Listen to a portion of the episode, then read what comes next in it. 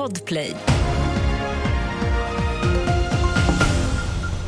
Först i nyheterna att Sverige saknar grundläggande elberedskap vid kris och krig och bryter med det mot EU-lag. Det här skriver DN. Redan 2019 skulle åtgärdsplaner för elnätskollapser ha funnits på plats. Men Svenska kraftnät som har uppdraget att få krisplanerna på plats säger att fokus först varit att klara normaldriften. En äldre man från Skåne och hans son har dömts till fängelse för grova bidragsbrott. Det här skriver Sydsvenskan. De har felaktigt fått ut över 7 miljoner kronor i assistansersättning då sonen varit heltidsanställd som assistent. Men det visade sig sen att pappan klarade sig själv och inte behövde personlig assistans. Till sist kan vi berätta att den svenske kompositören Ludwig Göransson återigen fått pris för sin musikaliska insats i filmen Oppenheimer. Denna gång på Baftagalan, Storbritanniens motsvarighet till Oscarsgalan.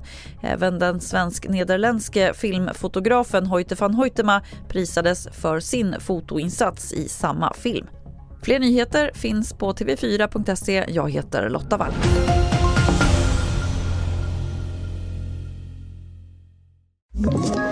Ett poddtips från Podplay. I fallen jag aldrig glömmer djupdyker Hasse Aro i arbetet bakom några av Sveriges mest uppseendeväckande brottsutredningar. Går vi in med hemlig telefonavlyssning och, och då upplever vi att vi får en total förändring av hans beteende. Vad är det som händer nu? Vem är det som läcker? Och så säger han att jag är kriminell, jag har varit kriminell i hela mitt liv men att mörda ett barn, där går min gräns. Nya säsongen av Fallen jag aldrig glömmer på Podplay.